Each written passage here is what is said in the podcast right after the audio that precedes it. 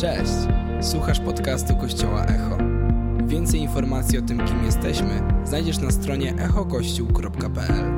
Mamy nadzieję, że zostaniesz zainspirowany.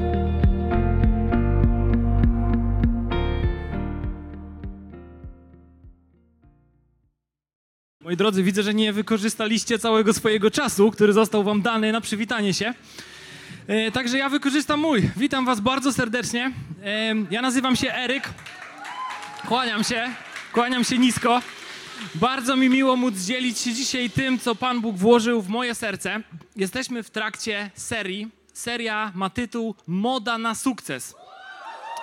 Później troszeczkę odniosę się do serii, e, ale chciałem tylko powiedzieć, co się działo jak na razie. Dwa tygodnie temu pastor Daniel otwierał serię, mówił o konkretnie o modzie na sukces. Autentycznie o tym mówił. Opowiadał o przygodach rodziny Foresterów i o tym, co się tam działo. Później tydzień temu Wercia mówiła o porządliwości oczu, a dzisiaj będziemy mówić o wierze. Temat bardzo szeroki, ale też bardzo ważny i przyznam, że jest to temat, który mi jest osobiście bardzo bliski. A to i, i zawsze był. Zawsze. Możecie się zastanowić, jak to zawsze? Przecież kiedyś byłeś dzieckiem. Jak mógł być ci bliski temat wiary? Był. A to dlatego, że moi rodzice są misjonarzami. Pochodzę z rodziny misjonarskiej. W Polsce nietypowy zawód. Yy, ale już wam mówię, dlaczego moje życie zawsze wymagało wiary. Czasami z wyboru, czasami nie. Yy, Kiedyś, parę, parę yy, serii temu opowiadałem wam o jednej z moich najgorszych koszmarów w życiu, w trakcie podróży, a dzisiaj opowiem wam o jednym z moich najgorszych weekendów w życiu. Miało to miejsce w czasie podróży misyjnej. Było to w Tajlandii, w dżungli, w górach. Wraz, dużo, dużo podróżowałem z rodzicami i w trakcie jednej z takich podróży y, odwiedzaliśmy sierociniec dla chłopców, którzy byli ratowani z linii frontu. Nie wiem, czy wiecie, ale Laos, Birma, Tajlandia, tam, tam, tam prowadzą, tam, się, tam mają miejsce wojny, o których często nie słyszymy aż tak, aż tak bardzo i często walczą po którejś ze stron 10-12-letni chłopcy. I gospodarz tego, tego sierocińca ratował tych chłopców, y, jakby troszkę ich cywilizował, że tak powiem, uczył pisać, czytać i często oferował im edukację. Także coś niesamowitego. I my, my go odwiedzaliśmy. Dojechaliśmy późnym wieczorem po całym dniu podróży. Trzy dni wcześniej miałem spotkanie z kobrą w tajskiej dżungli i w trakcie tego spotkania dowiedziałem się, że gdy kobra cię ukąsi, to trzeba ją zabić po to, żeby wziąć pozostałości kobry ze sobą do lekarza, dlatego że jak on zobaczy, jaki gatunek cię ukąsił, to szanse na twoje przeżycie wzrastają. Dlatego, że łatwiej będzie mu dobrać odtrutkę. Taka ciekawostka. W każdym razie dotarliśmy do domu tego misjonarza i wchodziło się do takiego dużego salonu prosto z, jakby z podwórka. To była w sumie, to był środek dżungli, wiecie, to było jeszcze na północ od miejsc- miejscowości Chiang Rai w górach tajskich. I wchodziło się do tego pomieszczenia i on w sumie od razu tak przy wejściu już pokazał mi, że, ja, że ty będziesz tutaj spał, w tym miejscu. Pokazał mi materac, leżał na podłodze, duży salon. Myślałem, okej. I, I miałem w tym pokoju spać sam. Natomiast zanim jeszcze przeszliśmy dalej, moją uwagę zwróciły drzwi, których nie było, czyli bardziej ościeżnica, futryna. Natomiast miały taką siatkę przeciwko insektom, możecie kojarzyć. Insektom lub innym gadom, płazom, które chciałyby się do środka dostać. Natomiast to, co mnie od razu zaniepokoiło, jak tylko wszedłem, to było to, że ta siatka rozpoczynała się około 10 centymetrów od progu. Czyli teoretycznie wszystko, co chciało, mogło tam wejść. Ale więc miałem już taki lekki niepokój, wiedząc, że śpię na podłodze. W każdym razie poszliśmy do kuchni, y, gospodarz zrobił nam kolację. Jemy sobie tą kolację i w pewnym momencie miało miejsce jakieś poruszenie. Nagle jakieś krzyki, y, chłopcy biegają. Jeden z nich przybiegł do tego gospodarza i krzyczy coś do niego po tajsku. Po czym gospodarz wstał, odszedł od stołu, wziął ze sobą kij do miotły. My poszliśmy wszyscy za nim. Co się okazało? Zgadliście. Żmija wpełzła do salonu. W trakcie kolacji. Dosłownie godzinę po naszym przybyciu do tego, do tego budynku. Gospodarz wziął ten kij do miotły i tą końcówką, gdzie nie ma, gdzie nie ma miotły, zdzielił tą żmiję kilka razy w głowę, po czym y, chłopcy posprzątali, resztki żmii wrzucili w krzaki przed budynkiem y, i tyle. I my wróciliśmy do posiłku.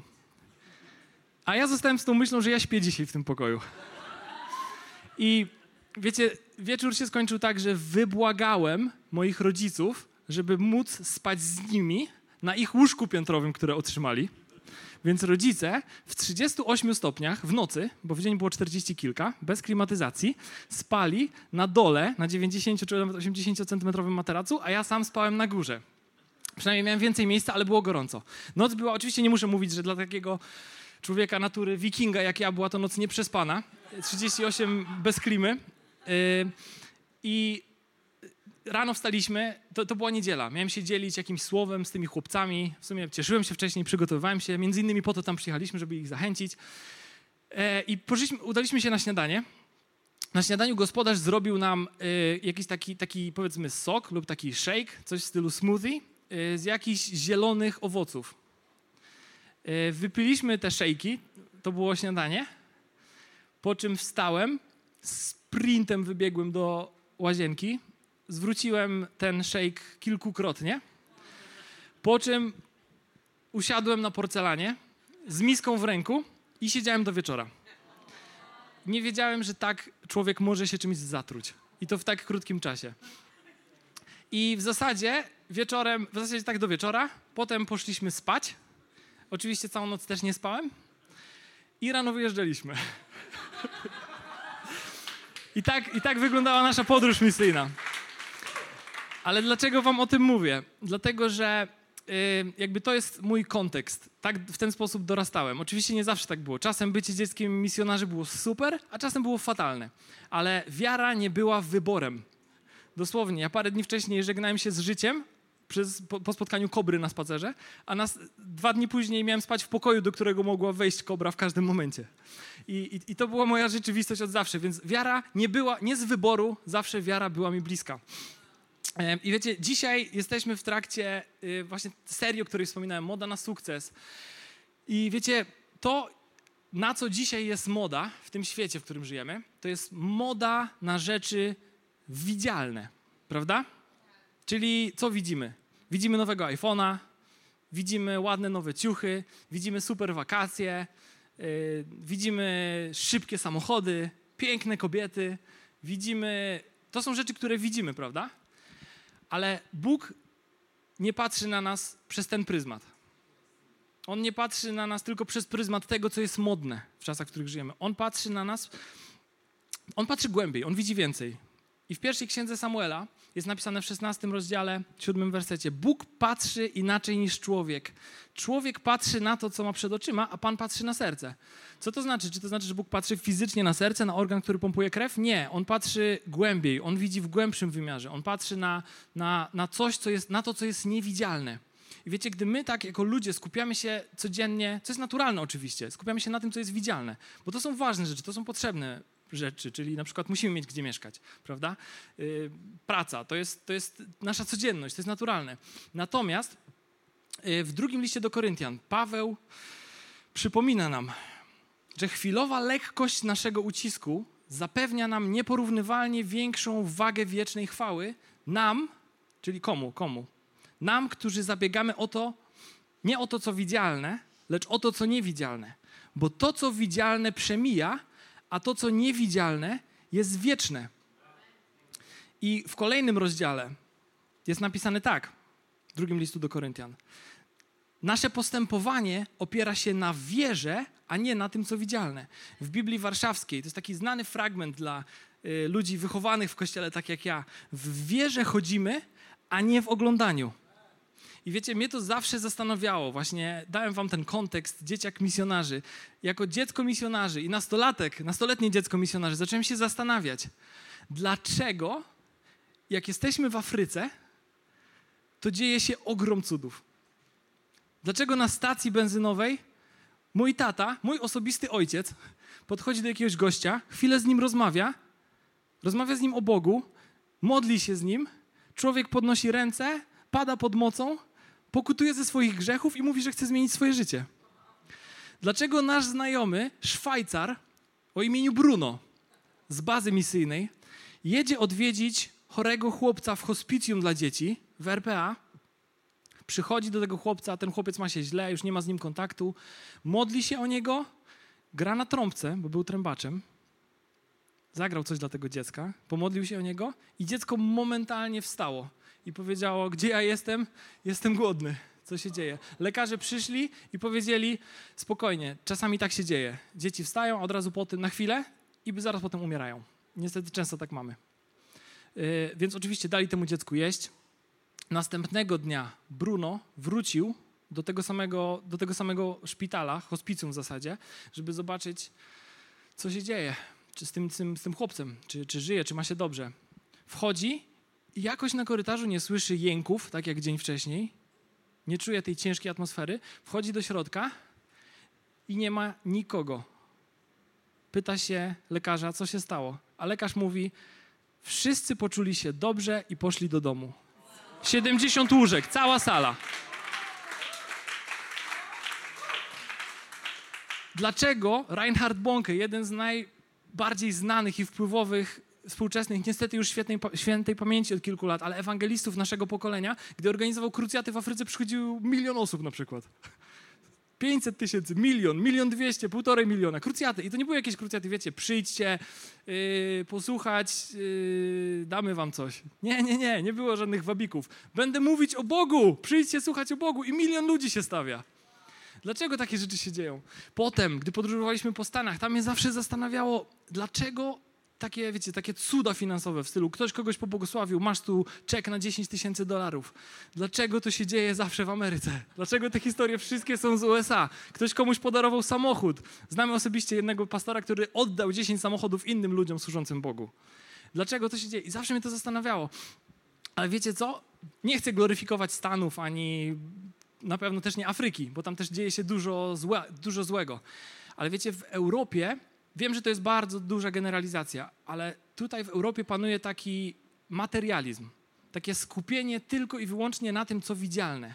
Brak takiej wiary w codzienności, że jest coś więcej. I wiem, że to jest generalizacja i wiem, że to się zmienia. I widzimy to, wiecie. Ja na przykład strasznie się cieszę, że my jako Kościół już nie jesteśmy tak jak Polacy w latach 80., 90., kiedy tylko my przyjmowaliśmy dary z zagranicy, ale my już dzisiaj sami zbieramy kasę i możemy pomagać innym. I to jest super. I to jest ogromne błogosławieństwo być częścią tego. I widzę, że to się zmienia. Natomiast ogólnie, wiecie, w, w Afryce jest ogromna otwartość na rzeczy duchowe i taka prawdziwa wiara, że istnieje jeszcze inny świat, istnieje świat niewidzialny. W Stanach wielu ludzi wierzących to są po prostu ludzie, którzy na serio wierzą w to, co tu jest napisane, w kontekście taki, takiego błogosławieństwa też Bożego, że tego, że Bóg chce nas błogosławić po to, żebyśmy my mogli być błogosławieństwem dla innych. I wierzę, że to się w nas budzi, natomiast wiem, że w Polsce jeszcze mamy długą drogę. I gdy zastanawiałem się, to w końcu to zrozumiałem otwartość i oczekiwanie i taka wiara w to, że jest coś więcej. To jest to. Takie, takie wiecie, mm, jest, jest jeszcze drugi jakiś taki realm, taka, taka płaszczyzna niewidzialna, właśnie ta duchowa, która ma realny wpływ na naszą rzeczywistość. Ale gdy się ją pomija i o niej zapomina w codzienności, to tego po prostu nie ma, tego po prostu brakuje. I wiecie, czasami my możemy żyć tak, żyje nam się dobrze w Polsce, prawda? Ogólnie, trzeba przyznać co by się nie działo, co by tam było źle, dziurawe drogi, itp., itd., podatki za duże, ale jest i tak dosyć dobrze, żyje nam się dobrze, żyjemy, możemy mieć rzeczy, o których pokolenie naszych albo moich może rodziców, aktualnych 60-latków, albo moich dziadków, jak ktoś jeszcze jest takim szczęściarzem, że ma dziadków w tym wieku, 80-90-latków, oni nawet nie mogli pomarzyć o tym, żeby wyjść do restauracji, żeby mieć samochód, mieć takie mieszkanie, które nie jest kawalerką dla pięcioosobowej rodziny albo siedmioosobowej. My, my dzisiaj możemy jechać na wakacje zagraniczne, mamy nowe ubrania. To są rzeczy, które, o których mamy pracę. Możemy wziąć kredyt i mieszkać w nowym mieszkaniu. To jest, jak ktoś ciężko pracuje, to jest, to jest niesamowite. To są rzeczy, które, które yy, były tylko marzeniem dla poprzednich pokoleń. Ale co za tym idzie? Za tym idzie też takie pewne, można powiedzieć, taka, taka wygoda, prawda? Komfort, że my tak naprawdę możemy żyć tak, że my tej wiary w zasadzie w ogóle nie potrzebujemy bo mamy pracę, pracujemy, spłacamy kredyt, żyjemy sobie i wszystko jest ok. Nie mamy wojny, w sumie nikt nas nie prześladuje tutaj za wiarę i wszystko jest ok. I tak naprawdę my możemy żyć totalnie naturalnie, nie potrzebując tej wiary, nie potrzebując tego. I to jest często właśnie taka pokusa, yy, jaką współczesność. To jest super możliwość, to jest błogosławieństwo, że możemy żyć w takich czasach, a z drugiej strony jest taka pokusa, żeby żyć totalnie naturalnie, prawda? Ta wiara nie jest w ogóle nam potrzebna. Ale dlaczego wiara jest taka ważna? Dlatego, że w liście do Hebrajczyków, w 11 rozdziale, 6 wersecie napisane jest: Bez wiary nie można podobać się Bogu. Bez wiary nie można podobać się Bogu. I gdy Jezus denerwował się na swoich uczniów, najczęściej było to za brak wiary. Jezus mówił, jak długo będę pośród was małowierni? Albo mówił, dlaczego nie uwierzyliście? Mówił do Piotra, który zwątpił, szedł po wodzie, po czym przeraził się, zwątpił, wpadł do wody i Jezus do niego powiedział, dlaczego zwątpiłeś małej wiary? I Jezus wielokrotnie mówił do uczniów takie słowa: Miejcie wiarę w Boga w różnych sytuacjach, które po ludzku wydawały się niemożliwe. Natomiast, więc z jednej strony to Jezusa często frustrowało w jego codzienności z uczniami. Natomiast co mu imponowało na co dzień? Kiedy przyszedł do niego setnik i powiedział: Panie, mam chorego sługę, ale nie musisz nawet do mnie przychodzić. Powiedz tylko słowo, a on będzie uzdrowiony. I Jezus wtedy był zdziwiony, zaskoczony, pozytywnie oczywiście. Powiedział: Takiej wiary nie widziałem nawet w Izraelu. Idź, twój sługa będzie zdrowy. W innej sytuacji e, przyszli, przyszło do niego dwóch niewidomych, prosiło go o to, żeby ich uzdrowił. A Jezus odpowiedział: Czy wierzycie, że jestem w stanie to uczynić? Zapytał ich Jezus. Tak, panie, odpowiedzieli. Wtedy dotknął ich oczu, mówiąc: Niech się wam stanie według waszej wiary. Z kolei w Łukasza 19 rozdziale czytamy: Po ludzku jest to niemożliwe, ale u Boga żadna rzecz nie jest niemożliwa. I wiecie, często tak jest, że my patrzymy na naszą codzienność, na nasze sprawy, na nasze wyzwania, na nasze problemy przez taki ludzki pryzmat. I rzeczywiście, po ludzku jest to niemożliwe. Ale pamiętajmy o tym, że jest więcej, że jest z nami Bóg, który nam obiecuje, że są rzeczy, które są dla ludzi niemożliwe, dla Niego nie są niemożliwe. I że stanie nam się według naszej wiary. Wiecie, ja pozwolę sobie takie ryzykowne stwierdzenie wypowiedzieć, że wiara lub jej brak determinuje jakość naszego chrześcijańskiego życia. Ja chciałbym Wam powiedzieć, że w moim życiu największe przełomy życiowe, największe błogosławieństwa, największe odpowiedzi na modlitwy działy się zawsze albo po jakiejś próbie wiary, kiedy moja wiara była próbowana, a ja pomimo okoliczności wierzyłem, albo tuż po jakimś kroku wiary z mojej strony, kiedy było wymagane wyjście z tej, powiedzmy, nazwijmy to strefy komfortu, kiedy czułem, że mam coś zrobić, ale się bałem, bo po ludzku po prostu mnie to przerastało. Ale wierzyłem, że Bóg jest ze mną i postawiłem ten krok wiary. I wszystkie największe moje przełomy w życiu działy się zawsze albo po próbie wiary, najczęściej od razu po, albo po jakimś kroku wiary. I chciałem wam przeczytać historię pewnej kobiety i pewnego proroka. W w, dziś, dzisiaj Bóg mówi do nas bezpośrednio, ale w Starym Testamencie Bóg mówił najczęściej przez proroków. Czyli jak prorok przemawiał, to tak jakby Bóg mówił. Pewna kobieta, żona jednego z uczniów prorockich, poskarżyła się Elizeuszowi, a Elizeusz był takim, że właśnie prorokiem. Poskarżyła się Elizeuszowi: Twój sługa, a mój mąż nie żyje. Sam wiesz, że to był człowiek żyjący w bojaźni Pana. Po śmierci męża przyszedł wierzyciel, by wziąć w niewolę dwoje moich dzieci. Elizeusz zapytał tej wdowy: Co mogę dla ciebie zrobić? To zawsze mnie fascynuje w Starym Testamencie. To jest wszystko takie, wiecie, takie proste, te rozmowy. Ona opowiada, że wierzyciel zabiera mi dzieci, nie mam za co żyć, mój mąż zmarł, wiesz, że był dobrym człowiekiem. Co mogę dla ciebie zrobić? Powiedz mi proszę, kontynuuje Elizeusz po tym pytaniu, co masz, czy masz coś jeszcze w domu? A ona na to, pozostało twojej służącej, pozostał twojej służącej tylko mały flakonik z oliwą. Czyli w domu nie miała już nic, bo wierzyciel zabrał wszystko. Pozostał jej tylko mały flakonik z oliwą. I to było wszystko, co miała w domu. Dobrze, powiedział. Udaj się zatem do wszystkich swoich sąsiadów i pożycz od nich puste naczynia. Zadbaj też, by tych naczyń nie było zbyt mało. Potem wejdź do domu, zamknij drzwi za sobą i za swoimi synami i nalewaj oliwy do wszystkich tych naczyń, a pełne naczynia odstawiaj. Na chwileczkę chciałbym zaprosić dwóch moich synów. Mój pierworodny Oktawian i mój drugi syn Mateusz.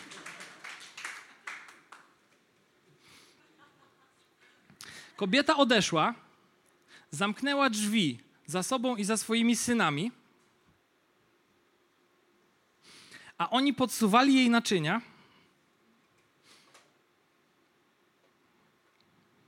Ona napełniała.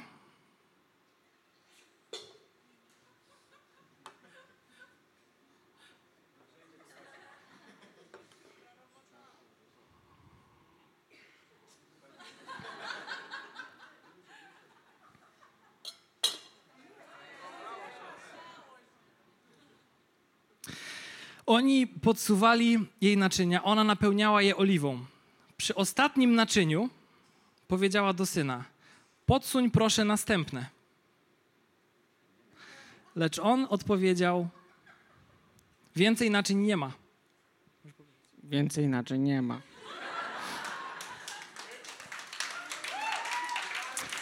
I wtedy też, wtedy też z flakonika przestała wypływać oliwa.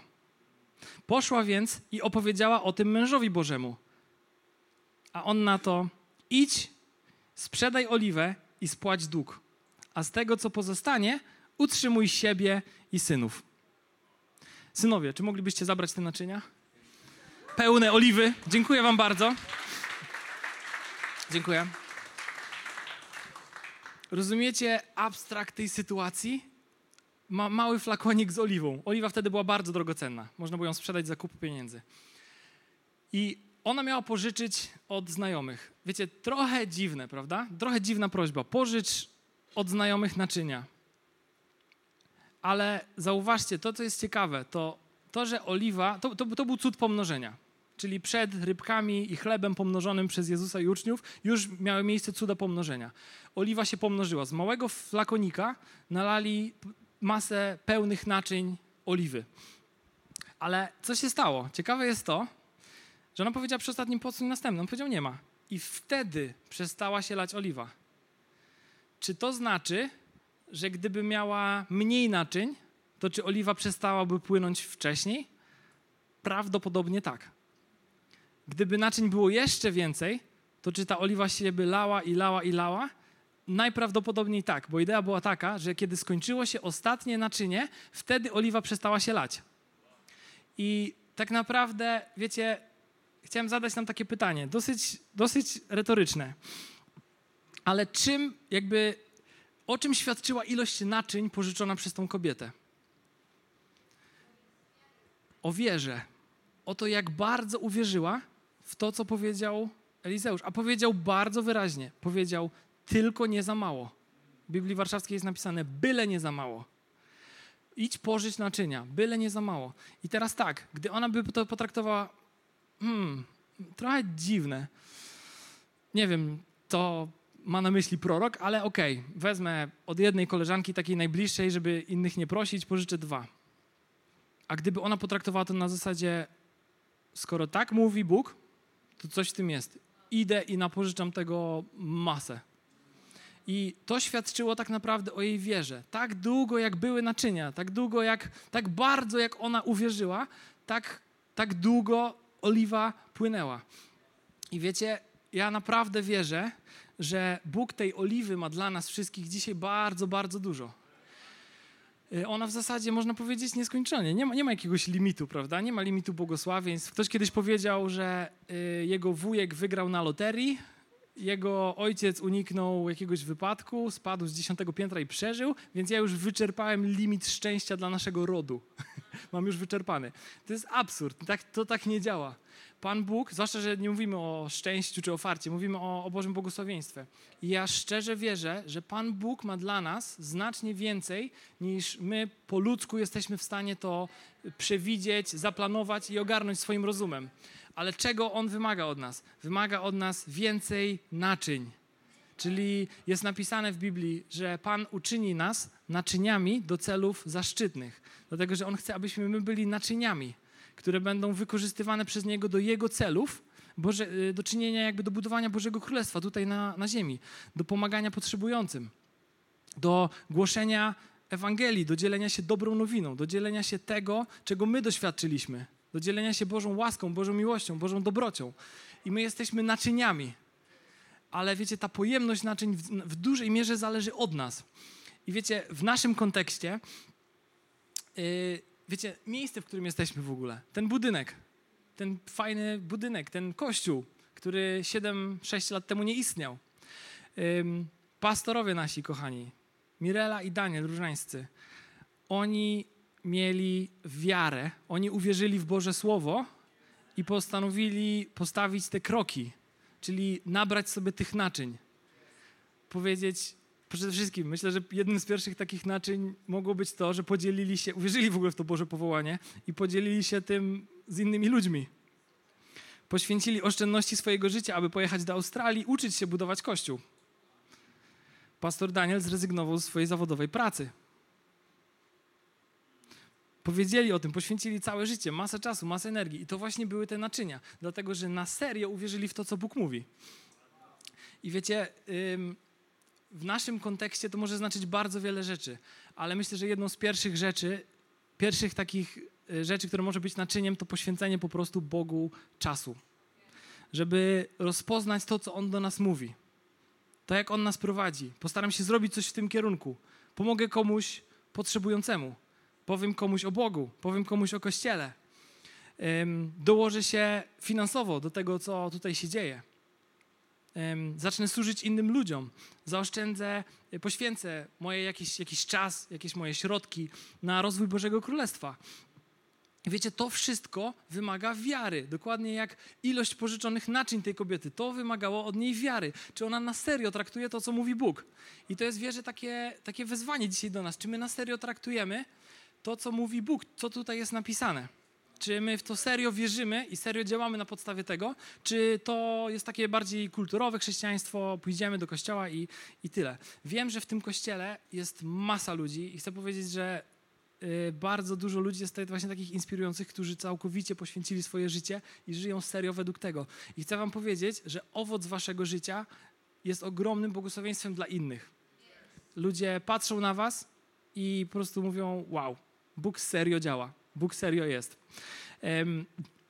I wiecie, wiara, gdyby Jezus przyszedł fizycznie na ziemię i stanął tutaj obok mnie i powiedział na przykład, o, dobrze mówi, cytuję moje słowo, to byłoby nam łatwiej uwierzyć, prawda? Bo byłby tutaj fizycznie i mówiłby. Wprawdzie Jezus przyszedł na ziemię i nie wszyscy w Niego uwierzyli, ale myślę, że dla wierzących byłoby to prostsze, prawda? Bo nawet my czasami mamy zmagania z wiarą. Ale to, że Go nie ma, to właśnie wymaga wiary. I tak samo, gdyby odpowiedzi na nasze modlitwy były natychmiastowe, na przykład ja się pomodlę dzisiaj i to się dzieje dzisiaj. Dzieje się cud dzisiaj. Ja stawiam krok wiary dzisiaj, wierzę w Boże błogosławieństwo, ja daję wszystko, co mam komuś potrzebującemu, oddaję wszystko, co mam na Kościół i tego samego dnia Pan Bóg mnie błogosławi finansowo i nie muszę się już nigdy o nic więcej martwić. Gdyby to działało natychmiastowo, to by było wierzyć znacznie łatwiej, prawda? Ale czy dokładnie tak nie jest z siłownią, na której nigdy nie byłem? Autentycznie. Nigdy w życiu nie byłem na siłowni. Ale dziękuję, dziękuję. Ale wiem, że gdyby nasze mięśnie, gdyby efekt tych ćwiczeń był, był natychmiastowy, znacznie łatwiej byłoby yy, nam ćwiczyć, prawda? Się zmusić, zdyscyplinować do czegokolwiek. Gdyby efekt był natychmiastowy, łatwiej byłoby nam inwestować, czytać swój rozwój, swoją wiarę. Yy, byśmy nie chcieli grzeszyć, gdyby grzechu konsekwencje były natychmiastowe. Że grzeszysz i od razu bam, konsekwencja. To, by, to byśmy nie grzeszyli, prawda? Ale to wszystko jest proces. To nie jest takie, to wszystko wymaga czasu. Wiecie, to jest, y, to, to nie jest takie y, proste, szybkie, oczywiste. To nie są rzeczy, które dzieją się natychmiast. Wiecie, ja wierzę, że Pan Bóg przygotowuje nas do różnych rzeczy poprzez mniejsze rzeczy. Jest napisane, że kto będzie wierny w małym, ten będzie wierny w większym. I my stawiamy małe kroki wiary i Pan Bóg odpowiada. I wtedy my stawiamy kolejny większy krok wiary i On znowu odpowiada. I to są, wiara, wiara wiecie, jest jak mięsień. Dlatego mówiłem o tej siłowni. Chciałem dojść do tego porównania. Wiara jest jak mięsień. Musimy ją ćwiczyć, powinniśmy ją rozwijać i ona będzie stawać się większa. Kiedyś ktoś mądry powiedział tak. Pomódl się o uzdrowienie stu osób, potem pomódl się o uzdrowienie stu kolejnych osób i gwarantuję ci, że w drugiej setce będzie więcej uzdrowionych i odpowiedzi na modlitwy niż w pierwszej. Myślę sobie, wow, ciekawe, ale pomyślcie, jakiej wiary potrzeba, żeby pomodlić się ze 100 osobami. I to jest właśnie tak, jak my ćwiczymy, jak my praktykujemy tą wiarę, jak my stawiamy te kroki wiary każdego dnia, to Pan Bóg odpowiada. I ta wiara rośnie i ona się pomnaża. Wiecie, ja chcę wam powiedzieć tak w ogóle, reasumując, że wszystko, co ja mam, to ja zawdzięczam Bogu, tak naprawdę. Wiecie, yy, najlepsze rzeczy, jakie mnie spotkały w życiu, Bóg. Najfajniejsi ludzie, jakich spotkałem w życiu, dzięki Bogu. Mówię autentycznie, bo najczęściej w kościele albo w jakichś inicjatywach około kościelnych. Yy, największe takie, naj, najfajniejsze miejsca, w których byłem, dzięki, to wszystko było dzięki Bogu. I ostatnio czytałem taki werset z Księgi Izajasza, 26 rozdziału. Tam, było napis- tam jest napisane tak. Panie, zapewnij nam pokój, bo też wszystkie nasze, nasze osiągnięcia są właściwie Twoimi dziełami. I ja sobie to cały czas przypominam. Wszystkie moje osiągnięcia, małe, nie są jakieś wielkie, ale wszystko, co osiągnąłem. Ja, ja, ja mimo, że w, może w oczach wszystkich ludzi, jakichś takich, nie wiem, normalnie na co dzień, takich, których spotykam, nie osiągnąłem jakiegoś wszechpotężnego sukcesu. Ale ja jestem strasznie spełnionym człowiekiem. Czyli bardzo zadowolony, bardzo jestem spełniony, jestem wdzięczny Bogu za Was, jestem wdzięczny za moją rodzinę, jestem wdzięczny za e, moich przyjaciół, za miejsce, w którym mieszkam, za miejsca, w których mogę być, za ludzi, których mogę znać przede wszystkim. Dla mnie to jest ogromne błogosławieństwo. Em, jest- Jestem mega wdzięczny Bogu za moją pracę, lubię tam być, lubię tam chodzić, cieszę się z tego, jak, jak, jak Pan Bóg e, tam mnie błogosławi też. I, ale chcę Wam powiedzieć, że wszystkie nasze osiągnięcia są właściwie Twoimi dziełami. I ja muszę sobie o tym cały czas przypominać, że wszystko, co ja mam, to mam od Boga. Że ja nie jestem jakby częścią, wiecie, systemu wartości współczesnego świata. Że jak ja sobie na coś tam zapracuję, to będę to miał. Jak komuś coś dam, to po prostu będę miał mniej. Nie, ja jestem częścią innego systemu. Systemu Bożego Królestwa. I księdze Jozłego Pan Bóg mówi: Niech nigdy się ta księga nie oddala od Twoich myśli ani od Twoich ust. Rozmyślaj o niej we dnie i w nocy. Dlatego, że jeśli tak zrobisz i będziesz według tego żył, to Pan Bóg Cię pobłogosławi i poszczęści Ci się wszędzie, gdzie się udasz. Ale czego to wymaga? To wymaga od nas wiary że tak jest naprawdę. Żeby żyć według tych standardów, według tego, co tu jest napisane. Bóg bardzo wiele razy mówi, jakie On ma o nas myśli, jaki On ma dla nas plan, jak On chce nas prowadzić, jak On chce nas błogosławić. On mówi, niech ci się stanie według Twojej wiary. On mówi, córko, Twoja wiara Cię uzdrowiła. Niech, sy- synu, Twoja wiara Cię uzdrowiła. Niech Wam się stanie według Waszej wiary. I wiecie, to ostatecznie co to znaczy? Że to, jak bardzo my na serio to traktujemy, będzie miało ogromny wpływ na nasze życie. I nie chcę mówić, wiem, że słowo sukces jest często może źle kojarzone, bo właśnie, no właśnie przez modę na sukces. Yy, Wiecie, rodzina Foresterów to jest moda na jakąś porażkę, na jakiś dramat. 13 ślubów, 13 rozwodów, co to w ogóle jest? Jaki to jest sukces? Ciągłe kłótnie, waśnie, niepokój, okradanie się, oszukiwanie, tam jakieś firmy, jakieś tam były przewały. Moja babcia to oglądała, jak do niej przyjeżdżałem, pamiętam tylko odcinek, skończyliśmy na 4780 którymś. Tam, tam jakieś straszne rzeczy się działy, to żaden sukces. Ale ten y, Boży sukces, Bóg chce nam go dać. I to wcale nie znaczy, że musimy mieć się źle i być smutni i się bić biczem po plecach. Nie, On chce naprawdę nas błogosławić. I, i, i, I chcę wam powiedzieć, ym, moi drodzy przyjaciele, żebyśmy w codzienności sobie o tym przypominali, że jest więcej. Chcę was zachęcić do tego, żebyśmy, żebyśmy myśleli o tym, żebyśmy pamiętali o tym, żebyśmy pamiętali, że nie bój się, tylko wiesz. Niech ci się stanie według twojej wiary. Chcę wam powiedzieć, Duch Święty będzie z tobą, Duch Święty cię poprowadzi, Duch Święty się o ciebie zatroszczy, On będzie cię posyłał we właściwe miejsca, ale my musimy mieć ciągle taką otwarty, taki otwarty umysł i takie otwarte serce na to, co On ma, na to, co On chce mówić, żeby mieć wyczulony głos na Jego prowadzenie, dlatego, że On będzie nas prowadził. I chcę powiedzieć, kochani, jedno z moich ulubionych zdań, które zawsze mówię, to wszystko, co tu jest napisane, jest aktualne. To jest instrukcja życia. Gdy producent tworzy ym, samochód, dajmy na to, albo wiertarkę, to daje do niej instrukcję, jak jej używać, żeby dobrze funkcjonowała przez lata. A chcę powiedzieć, że ja wierzę i my jak, jako ludzie wierzący wierzymy, że autorem życia jest Bóg. On jest autorem mojego i twojego życia. On jest autorem naszych relacji. Jak mówię, wszystko, co mam, mam od Niego. I dlatego On nam też dał tą instrukcję. Ale żeby to wszystko działało w naszym życiu, my musimy to tak wziąć na serio, potraktować i zastosować. I pamiętać o tym, że stanie nam się według naszej wiary. I kochani, powoli już ląduję. Nawet nie tak powoli, patrząc na zegarek. Nie tak powoli będę lądował, ale mm, chcę powiedzieć, że wiara Dlaczego wiara jest tak ważna? Mówiłem o tym, że Jezus o niej mówi wiele razy. Brak wiary Jezusa denerwował, wiara Jezusowi bardzo imponowała. Ciągle mówił, co jest niemożliwe dla ludzi, jest możliwe dla Boga. Wiara jest ważna, wiara wpływa na nasze życie. E, ale wiara ma też wpływ na jeszcze jeden aspekt i według nas, ewangelicznie wierzących chrześcijan, najważniejszy, czyli to, gdzie, spełnimy wiecz- gdzie spędzimy wieczność.